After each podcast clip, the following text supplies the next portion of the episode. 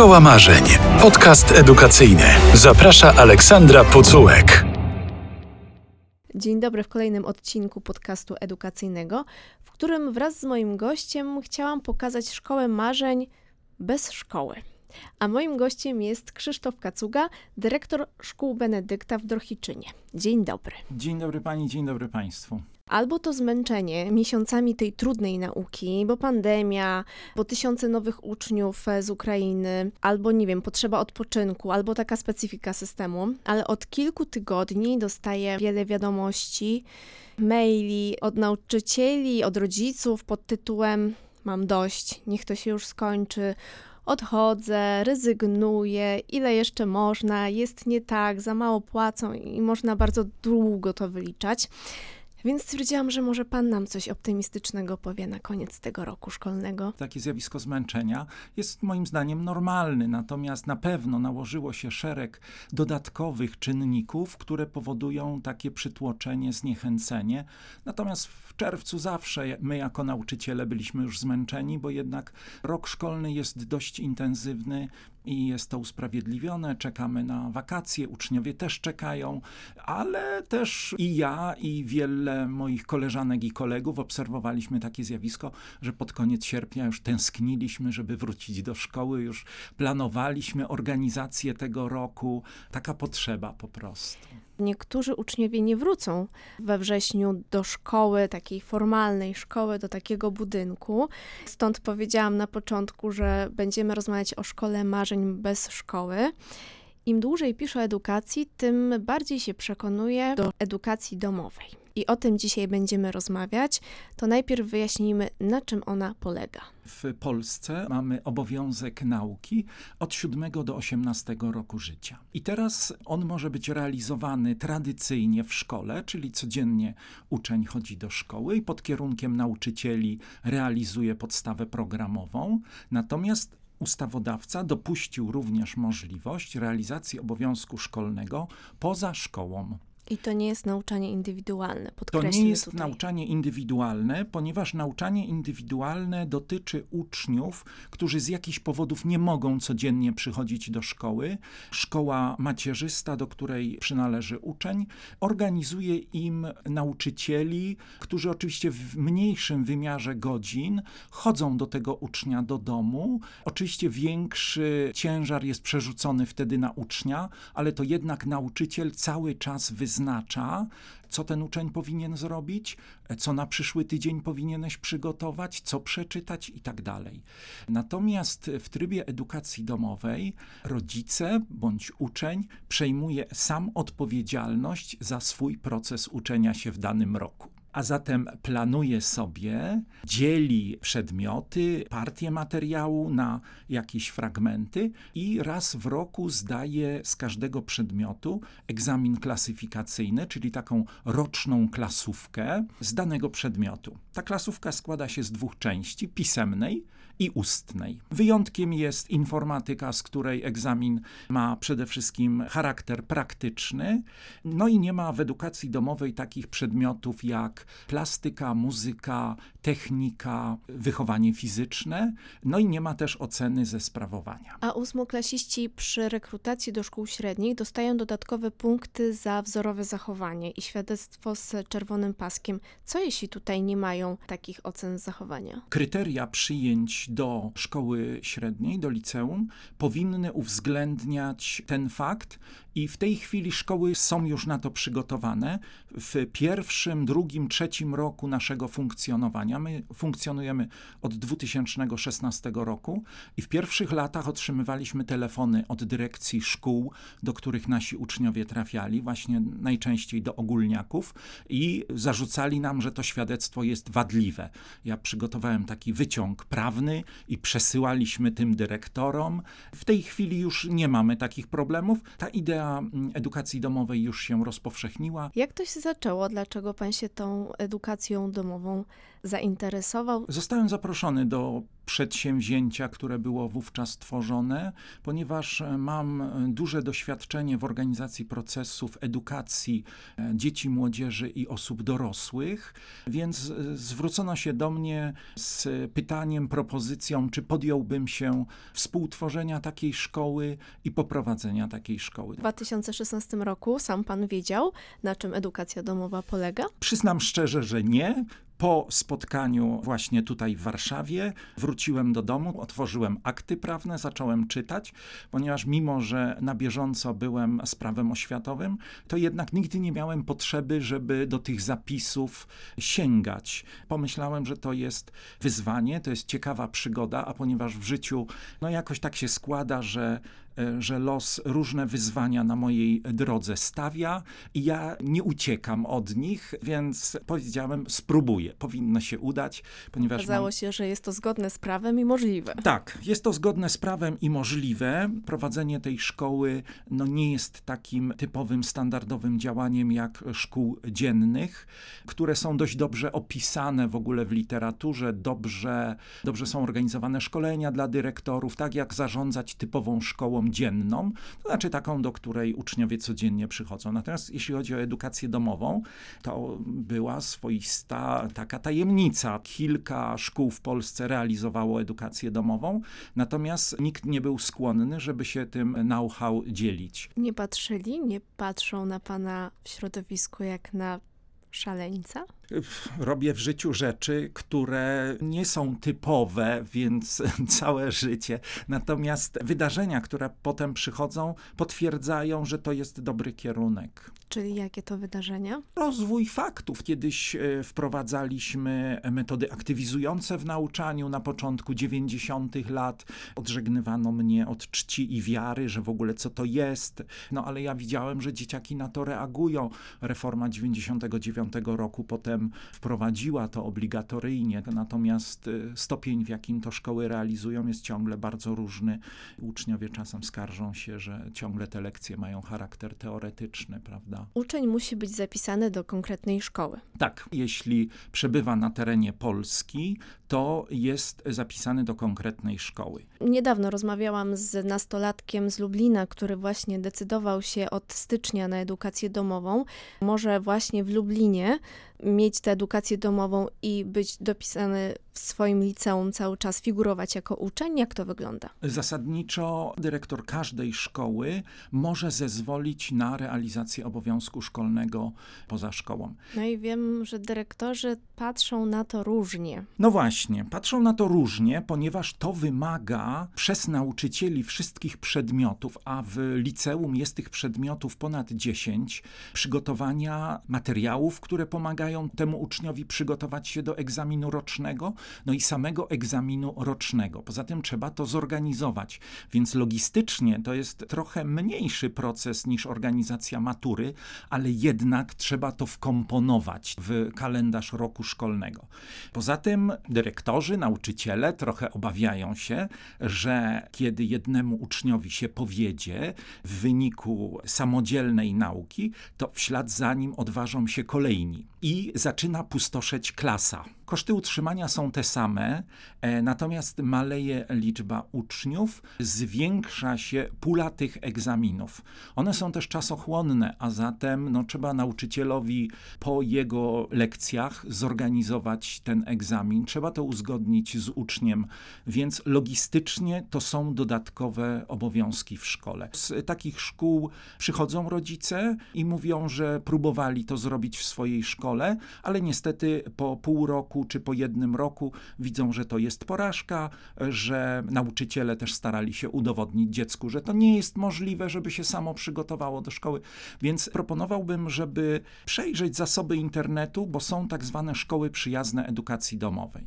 My na przykład mamy tylko uczniów w edukacji domowej. Jak wygląda pańska szkoła w takim razie? Pustka? Cisza? Jest biuro, w którym się bardzo dużo dzieje, czyli jest sekretariat, w którym nieustannie dzwonią telefony i jeśli pracuje dłużej po 16, to jeszcze o 19 telefonują rodzice. Utrzymujemy korespondencję mailową, ożywiona poczta, no i przychodzą też nauczyciele na umówione egzaminy, ale również opracowują materiały edukacyjne, również prowadzą konsultacje, spotykają się z maturzystami kilka miesięcy wcześniej, żeby też przedstawić, jak wygląda matura, bo niektórzy uczniowie no, od wielu lat nie chodzili po prostu do szkoły. Przekazujemy na odległość tylko pewne informacje. To sala lekcyjna jakaś jest? Są sale lekcyjne, żeby właśnie były wygodne warunki do przeprowadzenia tego pisemnego i ustnego mm, egzaminu. To jeszcze dwa pytania w kwestiach formalnych. Za edukację odpowiadają rodzice ale rodzice nie muszą mieć konkretnych uprawnień pedagogicznych, żeby tych danych przedmiotów uczyć. Prawo nie wymaga tego. Powiedziałbym, że zdecydowana większość rodziców doskonale sobie z tym radzi. Ja w ogóle zachęcam do tego, żeby kontynuowali normalny proces wychowawczy, żeby dzieci uczestniczyły w różnych czynnościach domowych, ale żeby rodzice w wolnej chwili spojrzeli sobie, jaka jest podstawa programowa, ponieważ wiele rzeczy, które w codziennym codziennym życiu, w czynnościach domowych realizują, to jest też treścią podstawy programowej i wystarczy tylko sobie zobaczyć i przemycić dziecku, że o, popatrz, teraz odmierzamy mąkę na przykład na ciasto. No, to są miary, jednostki miar. To jest edukacja przez praktykę, więc ona jest też łatwiejsza aniżeli uczenie się objętości z podręcznika, z papieru. Kiedyś rozmawiałam, dlaczego tak trudno nam się uczy matematyki. Nauczycielka podawała mi takie przykłady, że z małym dzieckiem dzieckiem chodzimy, pokazujemy, ile jest drzew, ile jest domów, ile jest okien, a potem to dziecko idąc do szkoły gdzieś tę pasję matematyczną traci, więc może rzeczywiście to jest dobry element nawiązania tej podstawy do rzeczywistości. Tak, traci kontakt z rzeczywistością, przechodzi do takiej sfery teoretycznej, a tylko fragmentem edukacji jest nabywanie wiedzy, ale przede wszystkim kształtowanie umiejętności. Wiedza się zmienia diametralnie. Uczeń w każdym wieku może skorzystać z edukacji domowej i w każdym momencie? W każdym wieku i w każdym momencie właściwie rodzice mogą zdecydować o tym, że chcą przejść na edukację domową. Oczywiście czerwiec nie jest dobrym miesiącem, żeby już zmieniać. Wiązałoby się to z koniecznością zdania wszystkich egzaminów klasyfikacyjnych ze wszystkich przedmiotów z danego roku. I o ile w klasie czwartej, powiedzmy, szkoły podstawowej tych przedmiotów jest kilka i jest to możliwe, o tyle w przypadku ogólniaka, no to już jest bardzo trudne. Ale mieliśmy i mamy sytuację, że z jakichś powodów uczeń krótko przed zakończeniem roku szkolnego, mieliśmy taką sytuację w tym roku, roku, na dwa tygodnie przed zakończeniem roku, zatelefonował uczeń, powiedział, że jesteśmy kolejną szkołą, do której telefonuje, że jest jakby bez wyjścia, ponieważ nauczycielka powiedziała mu, że go nie dopuści do matury, a jednak on by chciał ten rok uratować. Powiedziałem, proszę pana, jeżeli pan zda te sześć egzaminów, które obowiązują, to oczywiście egzaminy zorganizujemy panu. I rzeczywiście tak się stało ten chłopak e, umówił z nami terminy, myśmy umówili nauczycieli, więc uratował rok. Słuchasz podcastu Radia Z. Samorządy, kuratoria nie zbierają danych, ilu takich uczniów jest. Natomiast kiedy zaczęła się pandemia, i rozmawiałam z dyrektorami szkół, tak naprawdę nie było podstawówki, chyba zwłaszcza, gdzie jeden uczeń by z edukacji domowej nie skorzystał. W większości mówiono mi o względach zdrowotnych, bo na przykład babcia jest chora, mieszka z rodziną, nie chcą jej narażać, żeby dziecko tam jakieś zarazki, wirusy przyniosło ze szkoły, no więc wtedy decydowano się na edukację domową, ale mam wrażenie, że takie zdrowie fizyczne tutaj nie tylko wchodzi w grę. Uczniowie, na których zepchnięto poprzez naukę zdalną konieczność e, w znacznym stopniu wzięcia jednak odpowiedzialności e, za swoją edukację, oni przekonali się, że mogą to robić. I większa motywacja jest wtedy, kiedy ja sam sobie robię plany i sam się rozliczam z tych planów. E, natomiast mniejsza motywacja, kiedy ona jest zewnętrzna, kiedy nauczyciel mi wyznacza, co mam zrobić. Jak rozmawiałam z uczniami, z nauczycielami na początku lekcji zdalnych, to mówili, że w tym jest właśnie największy problem, żeby tak samemu siąść, wyznaczyć sobie plan lekcji, bo to zawsze było narzucone z góry. Niewątpliwie, jeżeli jesteśmy do czegoś przyzwyczajeni, że ktoś nam coś planuje, a nagle wpadamy na głęboką wodę, że my mamy to przejąć, no to oczywiście jest ten moment zaskoczenia i może być element przerażenia, ale jak to zrobić właściwie? Jeżeli już planujemy edukację domową na przykład na cały rok, sporo rodziców już przed wakacjami telefonuje, wie, że, że przejdzie na edukację domową, to jest jakby zupełnie inna historia, ponieważ widzimy całokształt materiału, który jest do realizacji i możemy go sobie realnie podzielić. Natomiast w edukacji zdalnej, ja wrócę jeszcze do tego, też rozmawiałem z częścią z tych uczniów i oni mówią, jeżeli ja się mam sam uczyć i ktoś ma mi jeszcze wyznaczać, co ja mam zrobić i jak to mam zrobić, i muszę spędzić ten czas przed komputerem, gdzie on jest mniej efektywny jeszcze aniżeli lekcja w klasie, bo brakuje jednak tego bezpośredniego kontaktu, e, brakuje środowiska, w którym się jest, tak brakuje klasy, koleżanek, kolegów, interakcji. Wielu młodych ludzi w ogólniaku dojrzało do tego, że przechodzą na edukację domową. Myśmy rzeczywiście w okresie pandemii bardzo wielu uczniów przyjęli. Bardzo wielu, możemy jakoś tak chociaż około liczbowo to powiedzieć? 30-40% to się tak w ciągu roku zwiększyło i to zainteresowanie A się ile tak było na początku? utrzymuje. W tej chwili około tysiąca. Kilka miesięcy temu pisałam taki reportaż na temat uczniów zmęczonych, wykończonych, którzy nie mają czasu zjeść, nie mają czasu się wyspać. Jak z nimi rozmawiałam, to miałam wrażenie, że rozmawiam z 50-latkami, z 40-latkami, którzy mają już lata pracy za sobą na etacie w korporacji. To, co mnie gdzieś tak uderzyło, to, to nie było to, że oni narzekali. Im po prostu było przykro z tego powodu, że nie mają czasu na jakieś takie swoje aktywności, swoje pasje, bo tam naprawdę byli pasjonaci, którzy są olimpijczykami, którzy zakładają fundacje i to chyba najbardziej przykre określenie dla szkoły naszej, kiedy powiedzieli, że mają jedną prośbę do szkoły, żeby szkoła im nie przeszkadzała. Pan też słyszy od uczniów takie historie? Zdecydowanie tak. To jest jedna z e, ważnych przyczyn, dla których i rodzice zabierają dzieci z tradycyjnej szkoły do edukacji domowej. Również uczniowie na poziomie szkoły średniej z tego powodu przechodzą do edukacji domowej.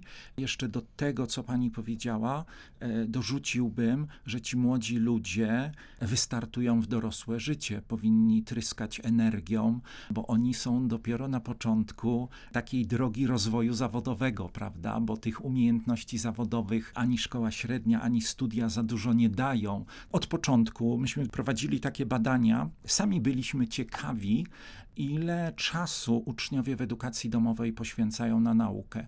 I z tych badań profesjonalnych wynikało, że uczniowie liceum maksimum 5 godzin poświęcają na efektywną naukę. To o co chodzi, skoro licealiści, bo to jednak zwłaszcza licealiści, uczniowie techników, szkół branżowych spędzają w szkole jakby nie było najwięcej czasu, opowiadają mi, że mają lekcje od godziny 7, nieraz do godziny 16, spędzają 8-9 godzin w szkole. Przerwy nie trwają wcale długo, bo mają 5-10 minutowe przerwy, bo mówią, że nawet nie są w stanie czasem zjeść czy wyskoczyć do sklepu po jakieś jedzenie. To co się dzieje z tym czasem? No z jednej strony mamy siatkę godzin, która nakłada na szkołę w każdej klasie obowiązek tygodniowego, minimalnego zakresu godzinowego realizacji. Są też nauczyciele, którzy jakieś dodatkowe zajęcia jeszcze motywują uczniów, że tutaj dodatkowe zajęcia, bo przecież przygotowujemy się do matury, no musicie dobrze wypaść i tak dalej.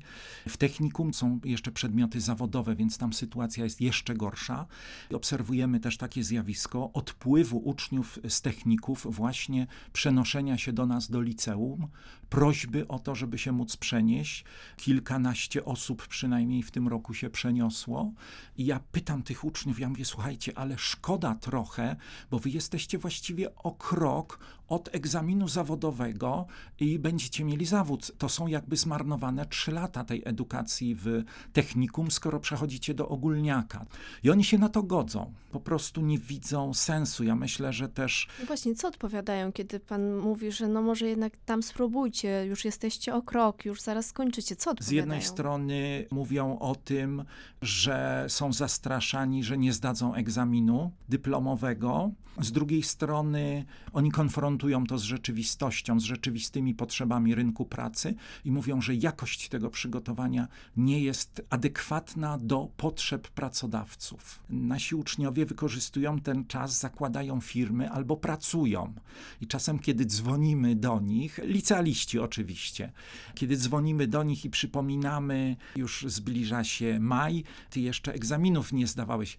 Dobrze, że pani mi przypomniała, bo wie pani, ja się tak wkręciłem w pracę, że ja zupełnie zapomniałem o tym. Chciałabym tutaj skontrować, że no ale przecież to dziecko powinno korzystać ze swoich lat szkolnych z dzieciństwa, no ale właśnie kiedy rozmawiałam z tymi licealistami, uczniami techników, którzy opowiadali mi, że czują się gorzej niż na etacie, to w sumie może rzeczywiście tak lepiej. Szkoła bardziej nastawiła się na uczenie aniżeli na wychowanie i mniej jest czasu na to, żeby być ze sobą, e, żeby przeżywać przygody, żeby wyjeżdżać, żeby się cieszyć, żeby żartować, żeby wspólnie rozwiązywać jakieś wyzwania, żeby wykorzystać to, że jestem z rówieśnikami, że ta klasa jest środowiskiem rówieśniczym.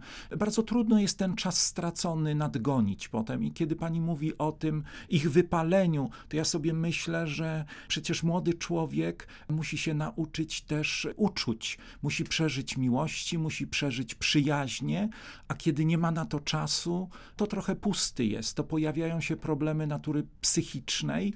To jest taka poważna bolączka, z którą też rodzice zwracają się do nas i mówią, że po prostu dziecko sobie nie radzi, bo z jednej strony jest obciążone tą ogromną ilością przedmiotów. Szereg raportów powstało o tym, że siódmo i ósmoklasiści są bardziej obciążeni niż ludzie dorośli pracujący, czyli kodeks pracy e, mówi o tym, że pracujemy 8 godzin, a oni pracują po 12. Są w szkole, pracują w szkole, a potem wracają do domu i wykonują zadania na dzień następny. Też przez wiele lat pracując z młodymi ludźmi, chciałbym, apelowałbym też do szkoły, żeby ona dawała możliwość samorealizacji, zdobywania wiedzy o sobie, do, dowiedzenia się, jaki jestem, kim jestem, no bo to też buduje poczucie własnej wartości. To jest taki potencjał na całe życie, bo jeżeli mówimy, że ktoś ma zaniżone poczucie wartości, no to ono nie jest wrodzone. Ono wynika z procesu wychowania, z tych zjawisk, w którym uczestniczę jako młody człowiek. Kolejny uczeń opowiadał mi też, że co piątek, kiedy wracał ze szkoły po tych pięciu dniach nauki, pracy,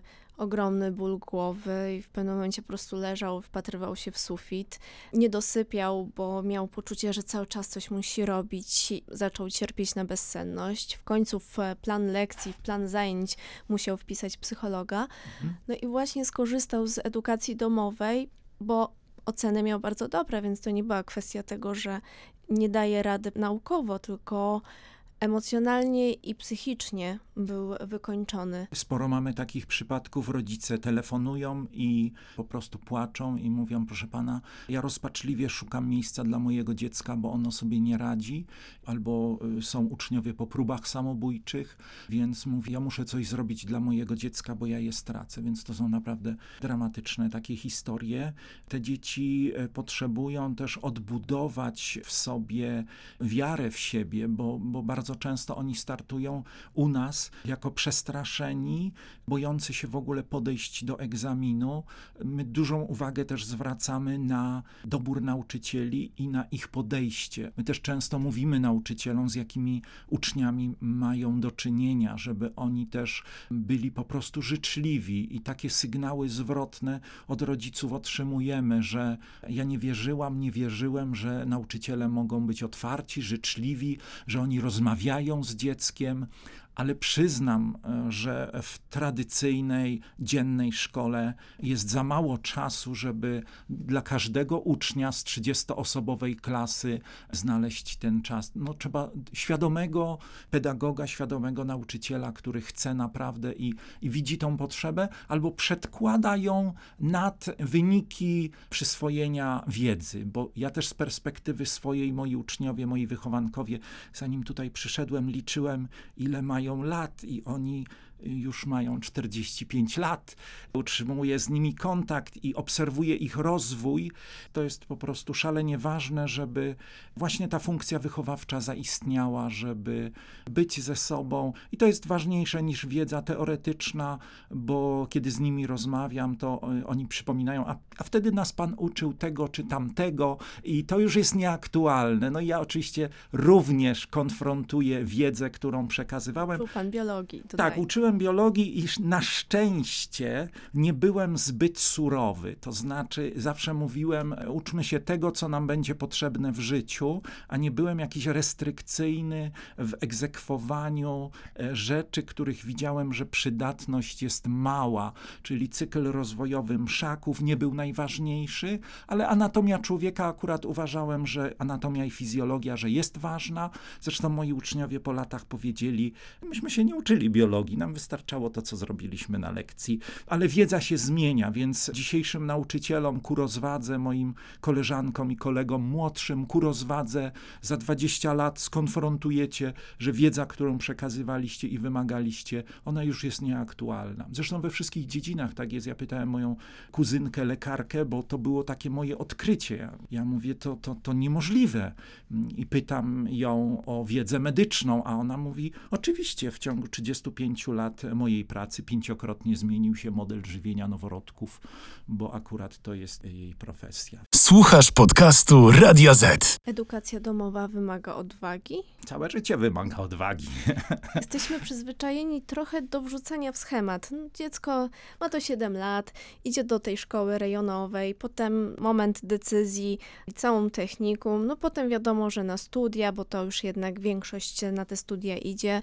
Mam wrażenie, że tak siłą rozpędu te dzieci sobie idą przez tę edukację, mniej lub bardziej świadomie wybierając te szkoły, a decyzja edukacji domowej to jednak duża zmiana. To jest decyzja. Dobrze, że pani użyła tego słowa, to jest decyzja, ponieważ. A to jest decyzja bardziej uczniów czy rodziców, jak pan obserwuje? Optymalnie byłoby, żeby i jednych, i drugich. I to powiedziałbym na każdym etapie, bo nawet z dzieckiem, które idzie do pierwszej klasy, i część rodziców mi o tym opowiada, że rozmawia z dzieckiem o tym, kiedy dziecko porusza temat albo poruszają temat, że pójdziesz do pierwszej klasy, to też rozmawiają o tym, czy właśnie dziecko chciałoby chodzić do tradycyjnej szkoły, czy może wolałoby uczyć się w domu. Takie dziecko oczywiście nie ma jeszcze dużej wiedzy, tak, dużego doświadczenia o wyborze, bo ono ani jednego, ani drugiego nie skosztowało, może na podstawie zarówki tylko jest w stanie powiedzieć, ale na każdym etapie dobrze, e, żeby to była decyzja obojga, obu stron. Schemat jest taki, że zapisujemy dziecko do szkoły i część rodziców, kiedy mówię, no ale nie musicie zapisać formalnie dziecka do szkoły stacjonarnej, możecie do edukacji domowej. I wtedy oni tak otwierają oczy, jakby zimny prysznic na nich spadł, zimna woda, i mówią: No jak to? No jak to moje dziecko nie będzie chodziło do szkoły? Przecież ono jest normalne. Czyli jednak ta łatka tego, że edukacja domowa to często dzieci chore, z jakimiś tam orzeczeniami, to, to one korzystają schemat, cały czas. Po jest. prostu schemat funkcjonowania rodzin jest taki, że no, zapisuje się, że do szkoły dziennej, ale rodzice, którzy bardziej świadomie podchodzą do tego procesu, to również rozważają taką możliwość. Jest to wybór na pewno, na pewno trzeba się zastanowić, jak to zorganizować. No właśnie, jak to jest organizowane? Jak wygląda taki tydzień takiego ucznia? Najczęściej z tego, co opowiadają nasi uczniowie, i to jest zgodne też z wiedzą, którą mamy o uczeniu się człowieka. System, który mamy w szkole, jest systemem sztucznym, że co godzinę, co 45 minut otwieramy nowy przedmiot. Zwłaszcza, że koncentracja nam siada po jakieś 10 Oczywiście. minutach. Na to nakładają się różne przeżycia, czyli jeśli poprzednią lekcją była matematyka i była klasówka, to ja nie jestem w stanie skupić uwagi na początku następnej lekcji geografii, bo ja ciągle żyję tą klasówką, co ja dobrze napisałem, co źle. Ja próbuję rozmawiać z koleżankami, z kolegami, co oni napisali. Nauczyciel się denerwuje, dlaczego rozmawiacie. On tutaj chce wprowadzić to, co ma zaplanowane na tą lekcję.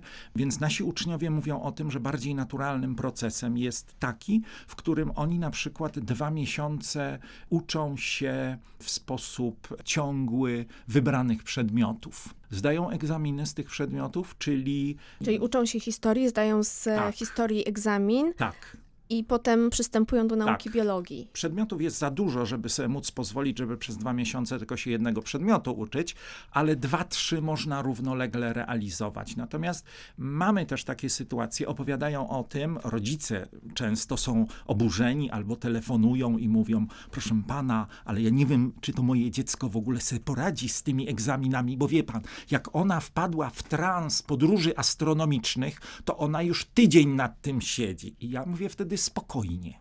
Spokojnie, niech ten temat ogarnie, niech go opanuje w całości. Po pierwsze, poczuje się wysycona z tym tematem. Po drugie, łyknie trochę po drodze astronomii, trochę fizyki i nie można zabijać tej ciekawości dziecka. Gdzieś trzeba być takim świadomym rodzicem i troskliwym rodzicem, żeby być też powiernikiem, co to dziecko robi. Czasem trzeba delikatnie zapytać go, jak tam twój harmonogram, co dzisiaj zrobiłaś, ile ci jeszcze pozostało. Więc trzeba towarzyszyć temu dziecku. Nie można go zostawić zupełnie samego, bo przecież my dorośli, którzy uważamy, że mamy umiejętności planowania rozwinięte, też czasem, czasem potrzebujemy jakiegoś zewnętrznego głosu, który Bodźca, nam tak. przypomni o czymś, prawda? Więc oni najczęściej realizują właśnie w ten sposób. Czyli tak modułowo. Modułowo, tak. I to jest e, coś takiego, co uczniowie, kiedy pracowałem w szkole dziennej, na co mi zwracali uwagę. Proszę pana, czy nie moglibyśmy się dwóch czy trzech przedmiotów uczyć przez trzy miesiące? Wydaje się, że oni, którzy nie mieli wiedzy o uczeniu się, intuicyjnie czuli, co jest łatwiejsze dla Wiedzieli, nich. czego potrzebują. Tak. Ja myślę, że w ogóle jeśli chodzi o naukę, to doprowadziliśmy do pewnego absurdu, ponieważ y, no, kiedyś była filozofia, czyli całościowa, kompleksowa nauka o wszystkim. Oczywiście ona się rozwijała, więc nie sposób, żebyśmy ciągle utrzymywali to jako jedną naukę, ale myśmy tą filozofię pocięli jak tort. Nazwaliśmy, że to jest biologia, to jest fizyka, to jest chemia, to jest geografia, a potem apelujemy do uczniów, żeby oni widzieli to holistycznie, żeby oni sobie łączyli ten świat z poszczególnych lekcji. To nie jest możliwe, zwłaszcza, że tematyka na poszczególnych lekcjach jest też i cały program no, nie jest spójny ze sobą.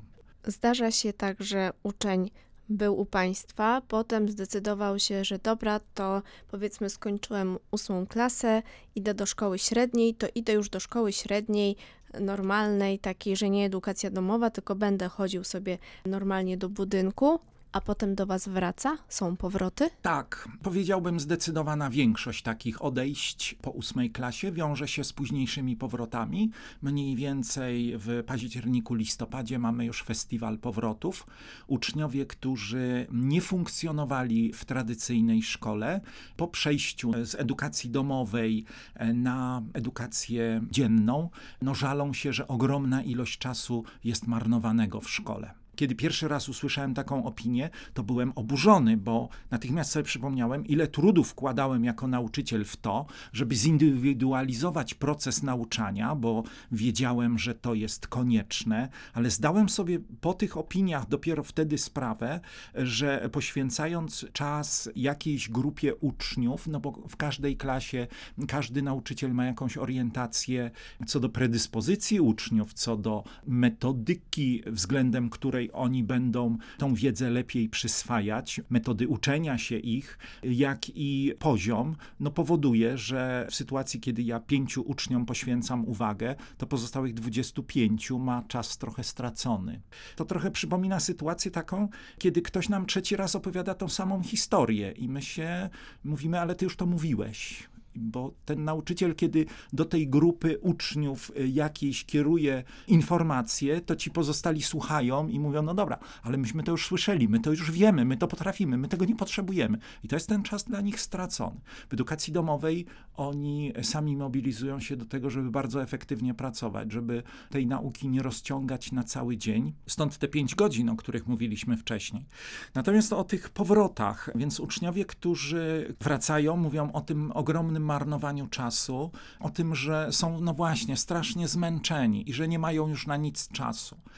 I siły. Nie dotknęliśmy, no i tych objawów, o których pani mówiła, tak ból głowy, apatia, znużenie, gdzie, no nie czarujmy się, też sobota i niedziela nie jest przeznaczona w 100% na regenerację, bo jednak e, no, w szkole są zadawane jakieś tam zadania, nawet jeżeli to jest na zasadzie bardzo luźnej, przeczytajcie sobie na przyszły tydzień to czy tamto, prawda? Z piątku na poniedziałek albo z czwartku na poniedziałek, no to jednak wymaga to. Zdecydowanie. Pamiętam, jak w liceum każdy nauczyciel w piątek mówił, ale to tylko jedno zadanie i z, tych, z tego jednego zadania ja miałam wypisaną listę, co mam robić Tak. w niedzielę i w zasadzie od godziny 10 w niedzielę do 17 to było robienie tego jednego zadania z każdego przedmiotu. Tak. I tutaj e, nasi uczniowie też są przyzwyczajeni, że oni sobie ten czas aktywności dostosowują do swojego rytmu biologicznego. Ja nauczyłem się, że do rodzin edukacji domowej przed dziewiątą nie telefonuję. 80-90% z nich mówi, że sobie dłużej śpią rano. Że zrywanie się o 6 czy o 7 to jest nieludzkie dla nich, bo oni po prostu zanim dojdą do siebie, to mija sporo czasu. To tak jak na lekcji, to to samo mi Tak. opowiadali, że się gdzieś budzą koło drugiej, trzeciej Tak. godziny, są mniej więcej przytomni. Tak. No i teraz, jeżeli ja z osobami dorosłymi pracuję, diagnozujemy swój rytm dobowy i oni określają, że no właśnie, raczej wieczorem są bardziej produktywni aniżeli rano i rano dopiero gdzieś dziewiąta, dziesiąta, no to to nam pokazuje, że w szkole dziennej to są te lekcje tak naprawdę dwie pierwsze na, na znikomej wydajności.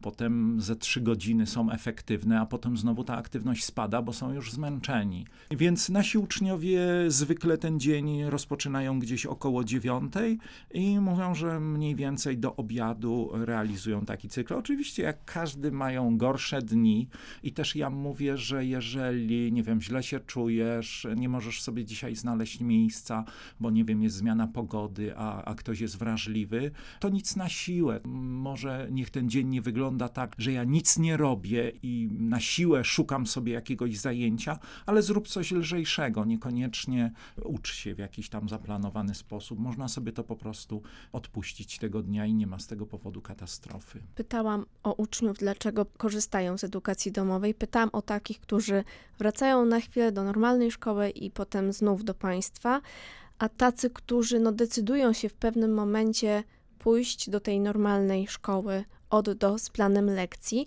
Jakie są tutaj powody? Najczęściej te dzieci nie były nigdy w edukacji tradycyjnej i one są ciekawe, chcą zobaczyć, jak to tam jest w tej szkole. Czasem jest tak, że mają wyidealizowany obraz, że ta klasa to będzie samych wspaniałych koleżanek i kolegów, że wszyscy będą w ogóle tutaj się przyjaźnić, pomagać sobie i tak dalej, że szkoła jest przyjazna, że jest miła, otwarta dla nich i wszyscy są z takim samym nastawieniem. Rozczarowanie? Tak, przychodzi? najczęściej przychodzi rozczarowanie. Niewielka grupa pozostaje w tych szkołach stacjonarnych. Słuchasz podcastu Radia Z. Powiedzieliśmy o kondycji psychicznej uczniów, którzy decydują się na edukację domową, a zastanawiam się, jacy uczniowie decydują się na edukację domową, jeśli chodzi o stan wiedzy, o ten poziom intelektualny. Im dłużej prowadzimy szkoły i im dłużej przyglądam się uczniom, tym mam przekonanie, że przekrój uczniów odzwierciedla tradycyjne szkoły. Więc mamy uczniów, którzy przychodzą do nas, bo są pasjonatami jednego czy dwóch przedmiotów, Ja właśnie z takimi rozmawiałam, olimpijczykami, którzy Tak. naprawdę są super zdolni z danych przedmiotów i nie chcą, żeby inne zabierały im czas, bo oni wiedzą, w co chcą iść. Dokładnie tak jest. Dokładnie potwierdzam to, co pani mówi.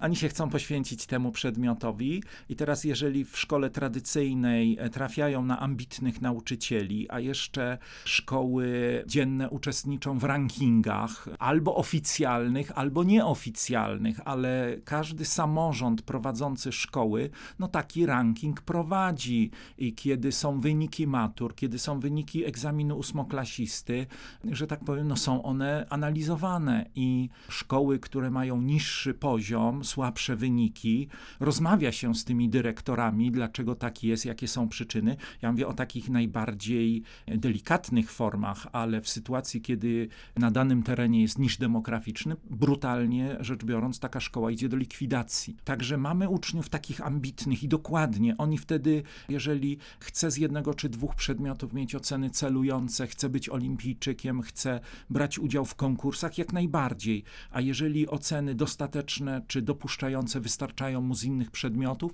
zresztą ja to też tłumaczę rodzicom, nie wymagajcie od dziecka wszystkiego. Zdiagnozujcie, jakie ono ma predyspozycje, niech ono robi to, z czego ma przyjemność, bo takie są też kryteria wyboru zawodu. Rób w życiu. za dzieckiem. Tak, to jest takie życiu, hasło, które tak, teraz powinniśmy tak, powtarzać. Tak, rób w życiu to, co sprawia ci przyjemność, a nie bądź niewolnikiem tylko dlatego, że się wykształciłeś w tym kierunku. Co zresztą potwierdzają pracodawcy, że chcą mieć pasjonatów, którzy mają predyspozycje do wykonywania danej pracy, takie predyspozycje osobowe i oni y, mówią, że umiejętności takich technicznych można każdego nauczyć, kto ma motywację do tego, żeby się nauczyć. Natomiast takich predyspozycji osobowych nie da się w człowieku dorosłym, jeśli on sam nie chce tego zrobić, wykształcić. Wracając do tego, bo trochę zaczęliśmy ten temat, jaki jest ten przekrój dzieci czy młodzieży, zaczęliśmy od tych prymusów i oczywiście mamy drugi biegun też uczniów takich o tym mniejszym potencjale wiedzowym, ale ja też apeluję do rodziców, żeby nie przeć tak bardzo na tą wiedzę, bo z perspektywy mojego życia ona się zmieni. Są ważniejsze umiejętności pozyskiwania wiedzy, analizy, doboru informacji, zwłaszcza w takich czasach jak teraz, że mamy ogromny zalew informacjami. No to sztuką jest, żeby umieć oddzielać to, co wartościowe od plew. Pańscy uczniowie chodzą na korepetycje? Nie wiem, czy można można to nazwać korepetycjami, ale czasem rodzic z góry zakłada, że jego dziecko nie poradzi sobie z matematyką czy z fizyką i trzeba od razu, wpisując go na edukację domową, trzeba mu takie lekcje załatwić to też różne formy może przybierać, bo to mogą być jakieś konsultacje raz w miesiącu z jakimś nauczycielem miejscowym, który ma autorytet, albo z jakąś osobą, niekoniecznie nauczycielem, bo w edukacji domowej w ogóle fantastyczne zjawisko obserwujemy, że ludzie się samoorganizują, rodziny się samoorganizują i mówią: Ja mam wujka, który jest świetnym praktykiem fizykiem. To słuchajcie, jak chcecie, to on poprowadzi takie ciekawe zajęcia z fizyki dla nas.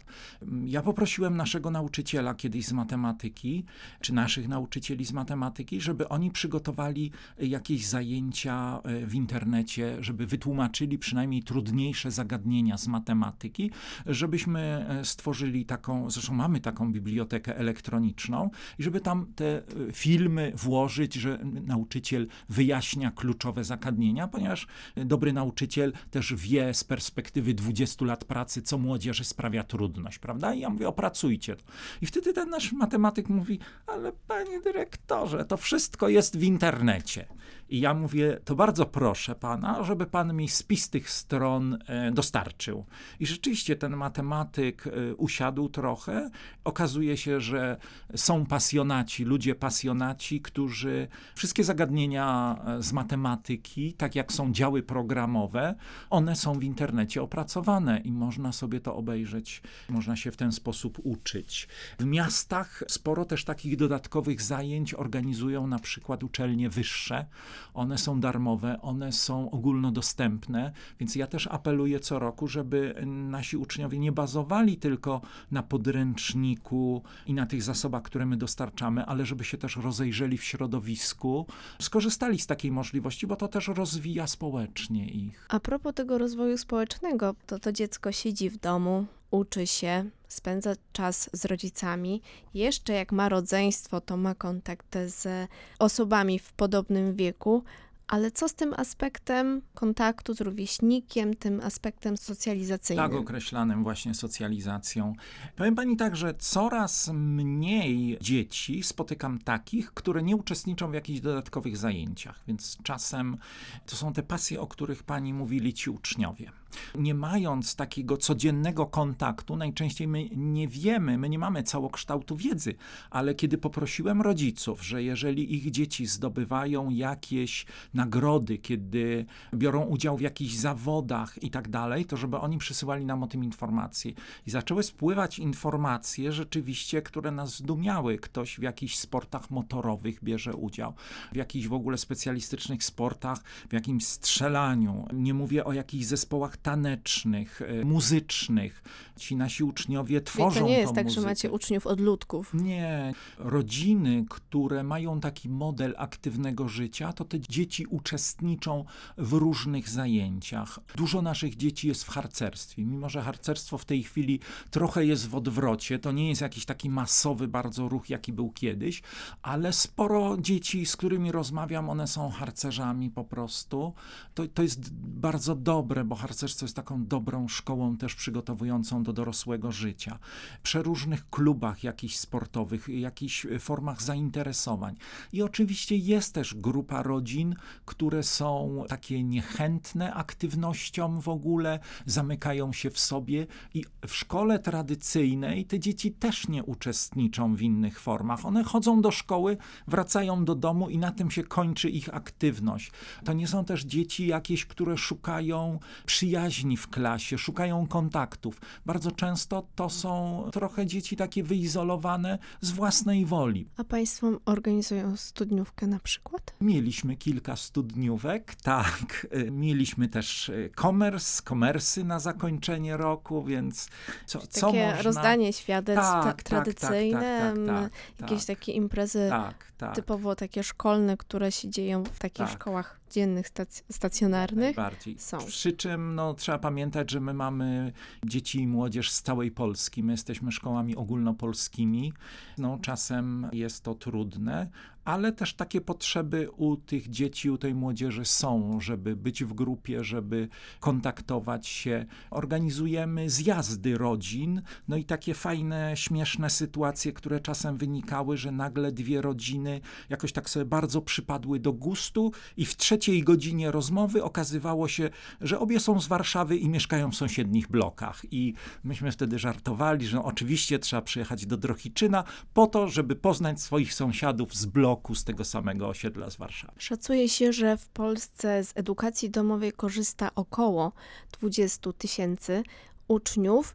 Jak to teraz wygląda? Bo z tego, co słyszę, rozmawiam z uczniami, z dyrektorami, ta liczba cały czas się powiększa. Pytamy już też przed wakacjami, żeby mieć jakieś szacunki, ilu mniej więcej uczniów będziemy mieli, więc zdecydowana większość uczniów klas ósmych mówi, że pozostanie u nas.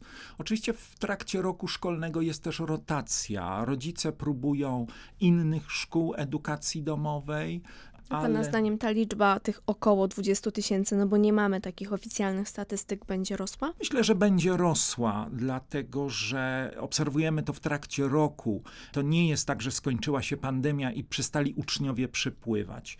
Ministerstwo Edukacji Narodowej też powiedziało, że ranga matury musi wzrosnąć, więc presja w szkołach dziennych będzie rosła. Więc y, pewnie to nie będzie jakaś lawinowa e, liczba. Edukacja domowa nie zastąpi edukacji dziennej, ale liczba osób chętnych y, będzie się zwiększała, przynajmniej będzie się utrzymywała. Tak sobie pomyślałam, że zadam pytanie o egzaminy i o wyniki z egzaminów, czy ósmoklasisty, czy z matur, ale nie zadam, bo to nie o to w tym Dlaczego? chodzi. Bo to nie, tak sobie pomyślałam, że to nie o to w tym chodzi. Nie chodzi o wyniki. Ja cały czas pisząc o maturach, o egzaminach ósmoklasisty, gdzieś starałam się mimo wszystko podkreślać, że to nie jest najważniejsze. To jest ważny element, ale to nie jest najważniejsze. Trochę o tych rankingach powiedzieliśmy. Tutaj nie chodzi o rankingi. Nie, natomiast ja powiem, bo kiedy zaczynałem e, przygodę z edukacją domową, to trochę się niepokoiłem, czy nauczyciele nie będą zbyt liberalni, czy nie będą, bo to jest taka bardzo fajna sytuacja, zresztą oni do dzisiaj to mówią i wie pan, jakie to jest miłe, jak się siada z tym młodym człowiekiem i jak on zaczyna opowiadać i on jest pasjonatem jakiegoś tematu, to ja widzę, że nauczyciele w cudzysłowie płyną wtedy. To jest e, miód wlewany do naszego pedagogicznego serca, mimo że nie mamy, niewielki jest nasz udział w tym, tak? Bo jeżeli nauczyciel pracuje z młodzieżą codziennie, no to ten sukces pedagogiczny jest jego dużą zasługą. Natomiast kiedy on się raz w roku spotyka z uczniem, albo ten kontakt był sporadyczny, no to jest niewielką jego zasługą. Na początku y, myślałem sobie, że tak naprawdę, bo te oceny z egzaminów klasyfikacyjnych są różne. To nie jest tak, że są same piątki i szóstki, natomiast był też taki A zarzut. jak ktoś nie zda, to ma możliwość poprawy? Jest egzamin poprawkowy, natomiast... Jak nie zda, to co? Do szkoły normalnej? Tak, ale y, zwykle już ta wizja egzaminu poprawkowego jest tak mobilizująca, że uczeń naprawdę i nauczyciele wtedy takiego olśnienia, panie dyrektorze, ten uczeń jest świetnie przygotowany i ja muszę tonować. Dobrze, ale proszę nie popadać w taki entuzjazm. Trzy miesiące temu te, ten uczeń, no niestety, nie spełniał wymagań. Gdzie mm, mamy y, szkoły, gdzie zaczynaliśmy w Drohiczynie, tam też środowisko lokalne zarzucało nam, no to jest nowa forma w ogóle, więc dla ludzi to był szok, co to w ogóle jest szkoła bez uczniów. I wtedy też zarzucano mi, że to nie jest uczciwe, że ci nauczyciele egzaminują i tak dalej. Ja mówię, zobaczymy, zaczekamy na egzaminy zewnętrzne, no bo one będą miernikiem, bo wtedy już ci nauczyciele nie mają absolutnie żadnego udziału, sprawdzają to egzaminatorzy, wystandaryzowane procedury i tak dalej. Co się okazało po pierwszych maturach, po pierwszej maturze okazało się, że jest dobrze, że wyniki są porównywalne z innymi szkołami. Mamy wyższe wyniki w każdym roku z języka angielskiego i to znacznie, nawet do 10 punktów. Trochę słabiej wy wypada średnia z matematyki, mimo że mamy uczniów w każdym roku, którzy osiągają 100% punktów albo 98% punktów z matematyki. To jest tak, że w edukacji domowej prawdopodobnie jest mniej ścisłowców. Ścisłowcy prawdopodobnie pozostają raczej w tradycyjnej edukacji. Tak, bo oni się dobrze czują tak, w takich schematach. Tak, dokładnie, dokładnie tak. E, natomiast tutaj są te osoby, które szukają idei, otwartej jakiejś wizji świata, e, nowych pomysłów i tutaj humaniści raczej u nas się lepiej realizują. Natomiast te wyniki są też monitorowane przez kuratorium i ostatnio nawet pan wizytator zwrócił moją uwagę, że mówi, niech pan sobie nie myśli, ja monitoruję te wyniki, no i one są całkiem niezłe, co ewidentnie jest e, komplementem też dla nas. To trochę optymizmu jednak mamy, bo z tego co pan mówi, to ci uczniowie w edukacji domowej, jeśli już taką decyzję podejmą, to są z niej zadowoleni, chociażby dlatego, że wracają do tej edukacji domowej. Dużo radości też sprawiają egzaminy klasyfikacyjne. Radość i egzamin to wydawały mi się no, antonimy. No tak, no tak, a jednak rodzice nie chcą tego usłyszeć, kiedy im o tym mówię, bo mówią, egzamin jest stresujący. Ja mówię, okej, okay, ale to zależy, jaki budujecie obraz tego egzaminu w domu. Jeżeli egzamin jest straszakiem, to ten egzamin budzi lęk potem w dziecku. Kiedyś jakiejś grupie rodziców powiedziałem, słuchajcie, ale jeżeli wy macie opory przed tym, żeby używać słowa egzamin, nie używajcie go. Mówcie o tym, że to jest spotkanie z nauczycielem, pewnego rodzaju rozwiązywanie zadań, wyzwań, problemów. Nie musi temu towarzyszyć stres. Natomiast najczęściej uczniowie no, sprężają się w cudzysłowie na ten egzamin, no bo to jest jednak ta roczna klasówka, to jest ten sprawdzian, jak ja przez cały rok pracowałem, jak ja się do tego przygotowałem. No i jest ogromna radość, kiedy nauczyciel pochwali, że, że dużo umiesz, że się sama tutaj czy sama pracując dużo się nauczyłaś, masz umiejętności. Plusem jest to, że to ma charakter rozmowy, to znaczy oczywiście są, padają trzy pytania, które są ustalone w procedurze, ale to ma charakter takiego spotkania człowieka z człowiekiem i jeżeli ta życzliwość ze strony nauczyciela i jakaś empatia jest, no to to dziecko odczuwa i potem wybiega, mamo, mamo, ja zdałem, pani mnie pochwaliła. To jest ten model, który chcielibyśmy, żeby zawsze towarzyszył egzaminom. Za tę dzisiejszą rozmowę, spotkanie i za tę dawkę optymizmu pięknie dziękuję. Serdecznie dziękuję również za zaproszenie i niezwykle miłą rozmowę. Kolejne pomysły na Szkołę Marzeń jeszcze w tym roku szkolnym, także słuchajcie nas, a więcej naszych podcastów można znaleźć na stronach Player Radio Z.pl i Spotify. Do usłyszenia. Szkoła Marzeń. Podcast edukacyjny. Więcej podcastów na player radio Z.pl.